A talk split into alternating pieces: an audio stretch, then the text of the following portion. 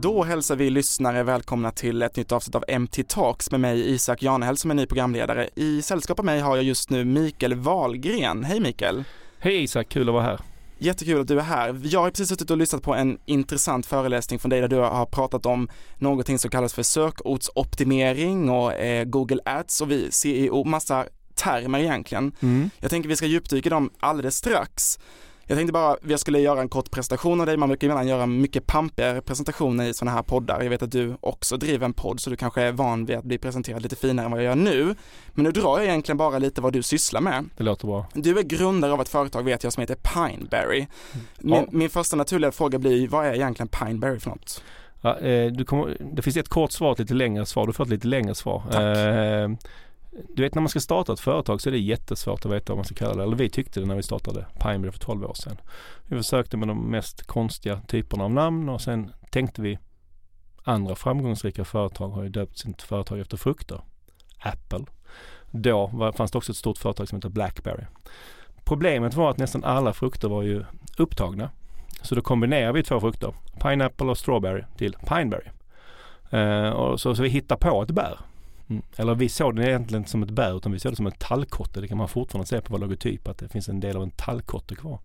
Det som är det konstiga i den här storyn är att fem år senare så var det ett holländskt bolag som tog fram ett, ett, ett bär som heter Pineberry. Så numera finns det ett bär som heter Pineberry. Det går att googla på det. Det är ett väldigt snyggt bär. Det är som en eh, inverterad jordgubbe. Den är vit med röda prickar. Jag odlar den själv. Eh, den är väldigt god. Smakar lite, lite ananas. Så vi, vi kom faktiskt före bäret. Spännande. Min första följdfråga på detta, jag har ju såklart mm. jättemånga, det blir ju såklart hur ett företag som enbart ska syssla med att hjälpa folk att bli mer sökbara på Google väljer egentligen ett ord som inte finns sedan tidigare. Var det så smart egentligen? Ja men både och, för när vi startade företag så var vi inte helt, helt säkra på vad vi skulle göra. Eh, vi visste kanske att det här skulle vara en del men att vi skulle bli en byrå som hjälpte företag var vi inte så. Så vi ville ha ett namn som, där man kunde ladda det med ganska många olika saker ungefär som Apple har gjort. Liksom. De kanske inte visste att de skulle göra telefoner. Och det är fördelen att du har ett namn som kanske inte är så snävt utan man kan ladda det med det man vill. Det var så vi tänkte i alla fall. Det låter ju, när jag får den förklaringen då, som jag absolut förstår er tanke. Mm.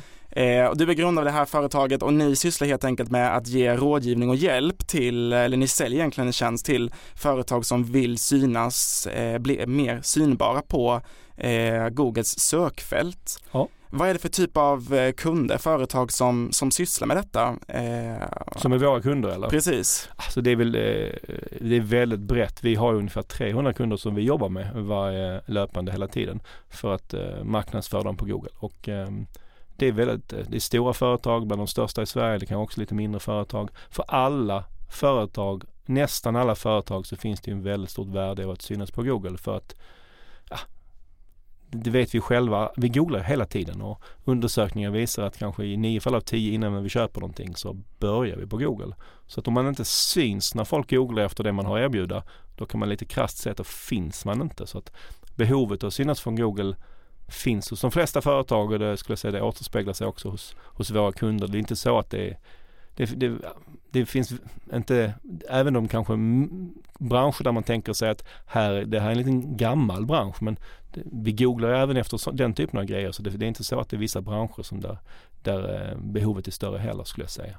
Nej för nu pratar vi just om Google och jag tänker att Google är en sån här mega media gigant liksom mm. och min direkta kanske eh, fördom är ju att, att Googles kunder också är andra giganter på marknaden men så är det alltså inte. Nej, det, de har ju de också såklart ja. men, men det är klart att om du eh, googlar efter eh, begravningsbyrå Huddinge, ja då, då lär det kanske inte vara någon, det kan ju vara någon gigant eller något stort begravningsföretag men det kan, det kan också vara någon mindre byrå som finns här lokalt så att Google är verkligen för eh, de lokala företagen. Det finns ju väldigt mycket lokala sökningar för när, när vi letar efter saker så är det oftast, inte alltid men ofta är det kanske något lokalt vi letar efter. Och då är det ju de lokala företagen som har möjlighet. Och det som är, jag kan tycka är lite fint med, med marknadsföring på Google är att visst, det har en fördel om du har en stor budget. Men, eh, men du kan också som mindre företag konkurrera ut dem med stor budget om du är bara lite smartare.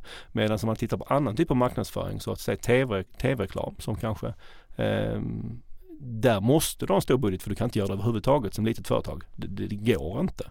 Men den här typen av marknadsföring kan ju alla göra. För det var, en, det var liksom en, en grundfördom jag hade lite om detta och då sa du också på din föreläsning som man också kan se på MT Talks hemsida eh, att eh, störst bud eller högst bud vinner. Men sen motsade det lite själv i det sen och, och förklarade att det är en del andra aspekter också som spelar roll egentligen eh, om du hamnar högst upp eller inte. Ja, jag, jag sa nog så här att det som är lite speciellt med Google Ads, alltså den delen, det finns ju två, vi kanske ska börja där, det finns ju två sätt man kan synas på marknadsföring på Google. Och när man googlar så ser man dels annonser och så ser man det organiska sökresultatet och de, de fungerar helt olika. Det ska man också ha med sig, det, väl, det, gör det lite krångligt men de fungerar helt olika. Och eh, det du frågar om gäller då Google Ads, alltså den delen som är annonserna. Och, och det jag sa var att det som avgör vilken annonsör som syns där, det är en auktion. Men till skillnad från vanliga auktioner så är det inte högsta budet. Utan Google väger in någonting annat som är quality score och där Eh, lite förenklat handlar om relevans och där kan man vara smart. Alltså om man är väldigt duktig på att, att skapa en hög relevans, ett högt quality score, så kommer man kunna konkurrera ut de som är beredda att buda mer för att man är mer relevant i Googles ögon. Och det är ju också ett sätt att om man är lite mer snabbfotad, lite smartare, lägger lite mer energi på det här så kan du konkurrera ut de som har lite större plånbok. Men när vi tar och backar lite bandet då, precis som du också sa nu, mm. så är det ju lite olika delar. Alltså om vi ska bena ut exakt de här termerna som jag började lite att slänga ut mm. eh, i poddens första sekunder. Eh, dels tänker jag på ordet sökordsoptimering. Det känns ändå som ett ord som de flesta liksom har hört nu på senare tid. Man pratar ganska så mycket om det ändå. Ja, alltså det ordet eller det finns varianter av det men um, den delen av sökresultatet som inte är annonser. Uh, numera är det ganska svårt att se vad som är annons. Google uh, tycker har gjort mindre och mindre skillnad. En gång i tiden var det väldigt tydligt, det var väldigt tydlig bakgrund på annonserna men nu är det väldigt diffust. Men den delen som inte är annonser det kallas för SEO eller som står för Search Engine Optimization på engelska och på svenska brukar man kalla det för sökmotoroptimering eller ibland kanske sökordsoptimering. Det var den ena delen. Ja precis och den andra delen är ju annonserna som oftast visar ovanför och det är en Google system för det heter Google Ads eh, men sen kan man också kalla det för SEM. Eh, är de två nästa. Det finns lite olika andra namn också men Google Ads är, är kanske det som de flesta känner till.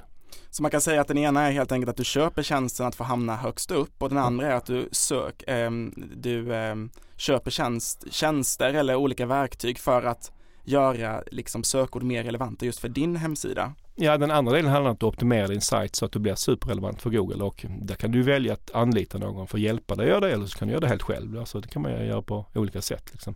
Men, men det handlar om att man ska säkerställa att du när någon googlar efter något så vill ju Google visa de i deras ögon mest relevanta sökresultaten och då får man ju kämpa sig till att bli ett av dem. Eh, antingen med hjälp eller själv så att säga. Och när man pratar just om det här ämnet att göra sig relevant på nätet, du nämnde kort lite innan hur viktigt det är liksom för, för många olika företags mm. storlekar att marknadsföra sig där. Varför pratar vi just om Google? Alltså de, de, varför har de blivit en så gigant inom just detta? Alltså ja, eh, och de är ju så stora. I Sverige så har de väl en, det, det finns ingen exakt siffra men jag, jag, jag, brukar säga att de kanske ligger på 97 procent ungefär.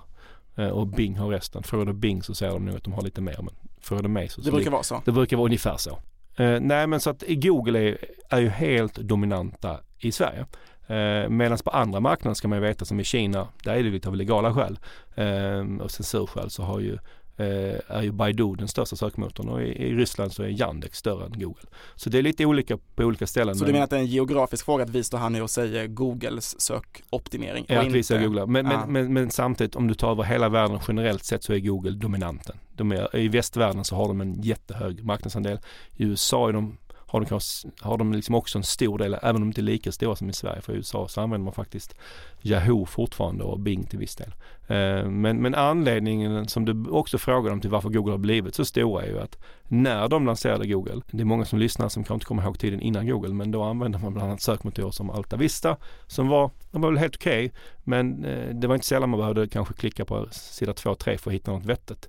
Men det som Google kom med, att de kom med så mycket bättre sökresultat. Det var mycket mer relevanta resultat och de tog ju, man kan nästan säga att de tog marknaden med storm. Och sen helt plötsligt slutar man använda eh, andra sökmotorer. Ungefär på samma sätt som de faktiskt har gjort på en helt annan marknad eller webbläsare. Du vet för massa år sedan så använde alla, alla Internet Explorer. Ingen använder det idag längre utan nu är det ju Chrome som många använder eller Safari. Va? Så att de, Även de, där har Google tagit marknadsandelar. Ja, jag. precis. Så att de har liksom, de tog över marknaden för de hade en betydligt bättre produkt. Du pratade på din föreläsning om de så kallade Google-spindlarna. Mm. Det är liksom Googles egna sätt då, där det inte handlar om att andra företag har optimerat sin eget sökresultat. De släpps ut på internet och samlar tillbaka informationen till, tillbaka till Google och det som blir vårt Google-resultat egentligen mm. då, när vi googlar på någonting. Eh, fanns det en tid där det enbart liksom såg ut på det sättet där det inte var, fanns möjlighet för företag att liksom eh, köpa tjänsten att, att hamna högst upp eller folk tänkte i den här optimerings eh, Ja men den delen som den handlar om när, när spindlarna besöker sajter och hämtar information och det är ju den, den delen som handlar om det organiska sökresultatet. Och egentligen så, så länge det har funnits har det ju gått att optimera det. Så det, det har okay. alltid gått hand ja. i hand. Att folk har försökt optimera det. Man har försökt lista ut hur fungerar sökmotorns algoritmer och så har man försökt liksom påverka den på ett sätt så att man själv syns. Det här nästa fråga om annonserna, så i början hade Google inte annonser. Eh, och sen har de lagt på mer och mer annonser och nu var det någon på föreläsning som sa att de, de tyckte att det bara är annonser och jag kan hålla med om det för att det är väldigt, väldigt mycket annonser idag eh, jämfört med hur det var för 10-15 år sedan. Så andelen annonser och sökresultat har ökat något enormt och det, det är inte konstigare än att Google är ett, eh, ett företag som vill tjäna pengar. Och det är där de tjänar också sina pengar då antar jag? Ja, 95 ungefär procent av alla deras pengar kommer från annonsklick. Så att, så att mm. det, det är där de tjänar. De, de tjänar ju jätte, jätte, jättemycket pengar. Och jag tycker inte det är något fel. De är, gör ju precis som vilket företag som helst. Liksom.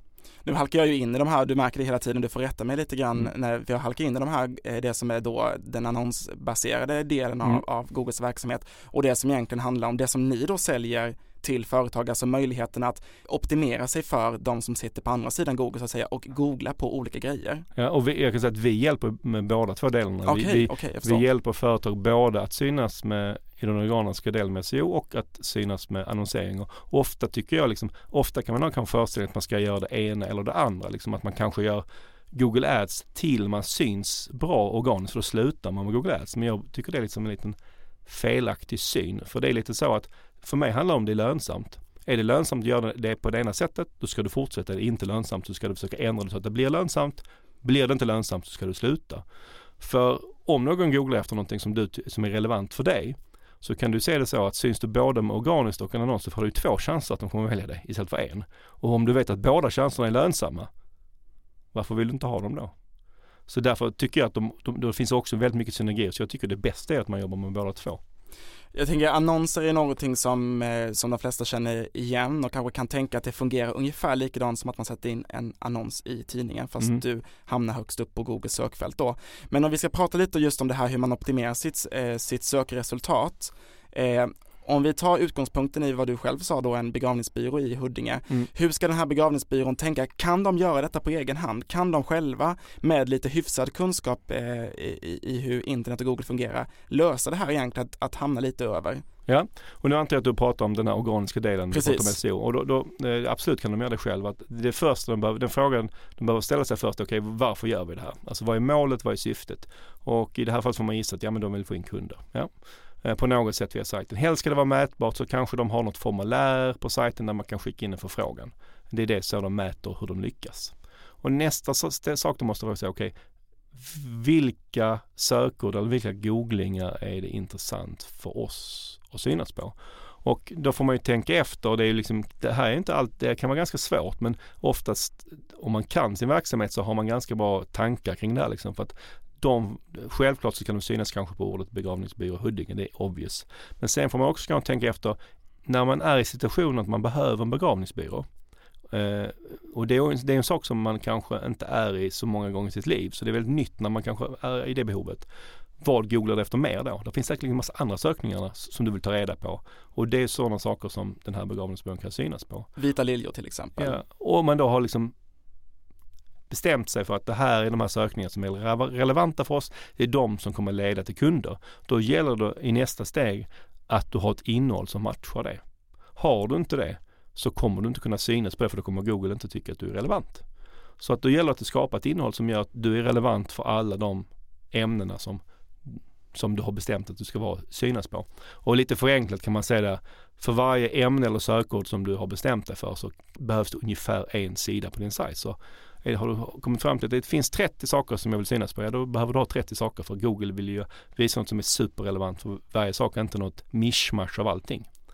Och sen när du har fått det, för det kan ju vara många som vill synas på begravningsbyrå Huddinge och då, som har skapat ett bra innehåll kring det. Så den, den tredje komponenten här är liksom att som Google är, är väldigt fäst vid, det är liksom länkar, alltså andra sätt som länkar till dig. Och när de gör det så är det som att de i Google för att rösta på dig.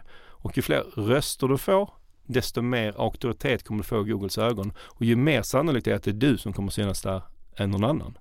Och de här länkarna kan man ju eh, få på lite olika sätt. Antingen att de bara kommer av sig själv eller om man skulle vara en lokal aktör här i, i Huddinge så skulle jag liksom kanske använt mitt, mitt nätverk, min relation och försöka se om de kan länka till det. kanske finns andra eh, samarbetspartner man har, leverantörer och sådär, kunder och det kan vara allt möjligt som, som kan länka till en. Och får du det så kommer du kunna öka din chans att synas på Google. Men just det här du förklarar att det gäller att man också erbjuder produkten som eh, kunden har googlat efter och när ja. du länkas vidare till deras sida. Det kan jag känna lite att jag blir ofta ganska så irriterad när jag googlar runt på grejer. Om jag söker efter en speciell skomodell till exempel så kan jag utan problem googlas till diverse olika sportbutiker på nätet som när jag klickar på deras länk, de har absolut inte den modellen. Mm. Hur kan det, då har inte de riktigt jobbat på det här rätt sätt kan man säga. Det har de kanske gjort men, eh, men jag skulle snarare säga att det är de som erbjuder modellen som inte har gjort rätt. För det finns ju andra som bara har slängt med det för att ja men vi kan göra det här också. Det gör, alltså vi, vi har det som lite extra trafik. Men de som verkligen erbjuder produkten, det är de som borde synas. Så det är snart de som gjort ett dåligt jobb. Det är inte de andra som gjort något fel. Och här här gör ju Google lite smarta saker här nu, nu i och med att du tog det exemplet. Jag brukar själv använda det ganska bra ibland. För att då finns det en detalj som man kanske inte alltid har tänkt på men när man googlar, eh, bildgooglar till exempel på skor på mobilen. Så numera så skriver, om man har gjort sin strukturerade data eller markup på sin sajt rätt så skriver Google ut om det finns en produkt bakom eller inte. För jag upplever exakt samma sak som du. Att du ser den här snygga skon du vill ha och så klickar du på den och så kan du inte köpa den. Nej. Men här då har Google gjort ett, ett sätt liksom på också som visar hur saker och ting förändras hela tiden. Att här kan du då berätta för Google att det finns faktiskt en produkt där bakom. Och det är klart att nu när du får massa bilder då på skor som du tycker är snygga och du vill köpa en, då är det ju mer sannolikt att du kommer att klicka på den som du vet att det är en produkt bakom. Det känner jag igen i beteende, man shoppar egentligen via Googles eh, bildsök. Ja, precis. Fält. Vad är det vanligaste felet då folk gör när man försöker förbättra det här för sin egen del? Vad är det för ord man, man tar fel på som gör att man halkar in helt galet istället? Men det är ofta, det, det felet man gör är att man kanske, eh, man glömmer de första stegen. Att du tänker inte, du har inte bestämt ett tydligt mål och du har inte tänkt kring vilka sökord du ska synas på. Utan du bara börjar optimera ditt innehåll utifrån liksom Eh, att det tekniskt sett är okej. Okay, men du har liksom inte bestämt att det är de här sakerna jag vill synas på. Och har du inte bestämt det så kan du inte skapa ett innehåll från det, då kommer du inte ha det. Sen kanske du har ett bra innehåll i övrigt, men det matchar inte det du vill synas på. Så det är ofta så att man missar de första stegen för man liksom hoppar in liksom för långt ner i processen och har inte gjort analysen från början. Jag skulle säga att det är det överlägset vanligaste. Och att man inte själv har en, det är inte alltid man har en sån jättebra eh, bild av vad folk googlar efter. För det är dels att det ska vara relevant för en, men det ska också vara att folk faktiskt använder det här ordet. Då får man ju titta, är, googlar folk efter just det här eller googlar de efter någonting annat? Och om man då väljer att kalla det någonting som folk inte googlar efter, ja, då blir det lite poänglöst för då kommer du inte synas på någonting som folk googlar på. Känner Google igen stavfel? Eller måste man eh, använda olika varianter på samma ord för att den ska känna igen om man inte kan stava till begravningsbyrå till exempel? Alltså de känner ju, det, det ser du ju själv när, när, du googlar så ibland så, så, så, står det, om du, om du googlar och skriver fel, så till exempel om du skulle stava begravningsbyrå fel så kommer Google sannolikt rätta det så att de visar resultatet för rättstavningen. Så Google sköter det oftast i steget före att de rättar ditt stavfel ens innan du kommer in på sajten. Men sen kan det ju vara i vissa fall om det är väldigt, väldigt vanliga stavfel så så, så kan det vara ett problem. Men det blir också lite svårt för man vill ju inte gärna skriva stavfel på sin sida. Det ser inte så bra ut. Så att, eh, oftast, brukar, oftast brukar Google lösa det bra skulle jag säga. Okej. Okay. Eh, du började att inleda lite innan vi eh, körde igång podden här med att sälja in din, ni har driver en podd just ja. på, på e-, ert företag också. Ja. Och du sålde in det som Sveriges nördigaste podd. Ja. Berätta lite, vad kan man förvänta sig höra när man, om man vill djupdyka ännu mer? Jag antar att ni pratar just om detta vi gör nu nämligen. Ja, det heter Sökpodden och vi har gjort eh, 57 avsnittet kom förra veckan och varje gång har vi tre olika ämnen så det blir 171 ämnen. Så det är väldigt många ämnen, man kan djupdyka väldigt mycket. Eh, och jag, jag säger lite halvt på skämt, halvt på allvar att det är Sveriges nördigaste podd. Det finns ju andra nördiga poddar men den är väldigt nördig. Så vill man verkligen Det finns också många nördar tänker jag. Ja precis, vill man hoppa på djupet i det här ämnet så, så, eh, så finns det mycket att lyssna på där som man gärna får göra. Det här är ändå ett ämne på något sätt kan jag känna som, även fast man kan tänka att det är väldigt nördigt och berör få, så berör det ju samtidigt väldigt, väldigt många för att vi googlar ju en hel del, Ja. vet jag att du berättade också på din föreläsning. Hur mycket googlar vi ungefär? Eh, den sista officiella siffran som jag har sett från Google, de är inte alltid jättebra på att släppa det, är eh, ungefär 55 miljoner i Sverige om dagen. Och om man tar bort de absolut äldsta och yngsta som kanske inte googlar så mycket så, så för, för en, genomsnittssvensken så kanske det handlar om 10 googlingar varje dag. Eh, och sen är det säkerligen folk som googlar väldigt mycket. Och den här siffran ökar ju hela tiden för vi googlar ju mer och mer och mer och mer hela tiden i alla lägen. Varför googlar vi så mycket? Alltså det är väl för att eh, det är ett så pass snabbt och effektivt sätt att ta reda på saker. Innan var det ju mer, du vet när man fick, om du skulle leta upp en begravningsbyrå så fick du först gå och leta efter gula, Gula sidor, sidor. ja, har du lagt dem någonstans och sen sitta där och bläddra till en evighet och så, oj hur stavas det här och så, så det var ju liksom, det gick men det var ju mycket mer omständigt så det har blivit så lätt att, att ta fram information. Eh, och du vet innan gick du kanske till någon gammal eh, historiebok eller något lexikon för att ta, eh, kolla grejer. Nu bara är, är det en googling bort. Så att det är inte så konstigt att alltid, allting centrerar kring det på någon vänster. Liksom. Ett nördigt ämne som sagt, all Mm. anledning att djupdyka mer i det och vill man då höra mer om det här ämnet så kan man googla sökpodden eller så kan man googla MT Talk om man vill kolla på din föreläsning som du höll idag på Södertörns högskola i Huddinge. Jag tackar dig jättemycket Mikael Wahlgren för att du var här hos mig idag och pratade om detta högst eh, allmänbildande ämne tycker jag nästan, att vi är mer medvetna om hur egentligen den här motorn som vi alla använder dagligen fungerar. Tack så mycket Isak, kul att vara här. Isak Janhäll heter alltså jag. Vill ni lyssna på fler avsnitt kan ni gå in på MT Talks hemsida. I dagens tekniker var Narita Al-Kamessi. Tack så mycket för att ni har lyssnat. På återseende.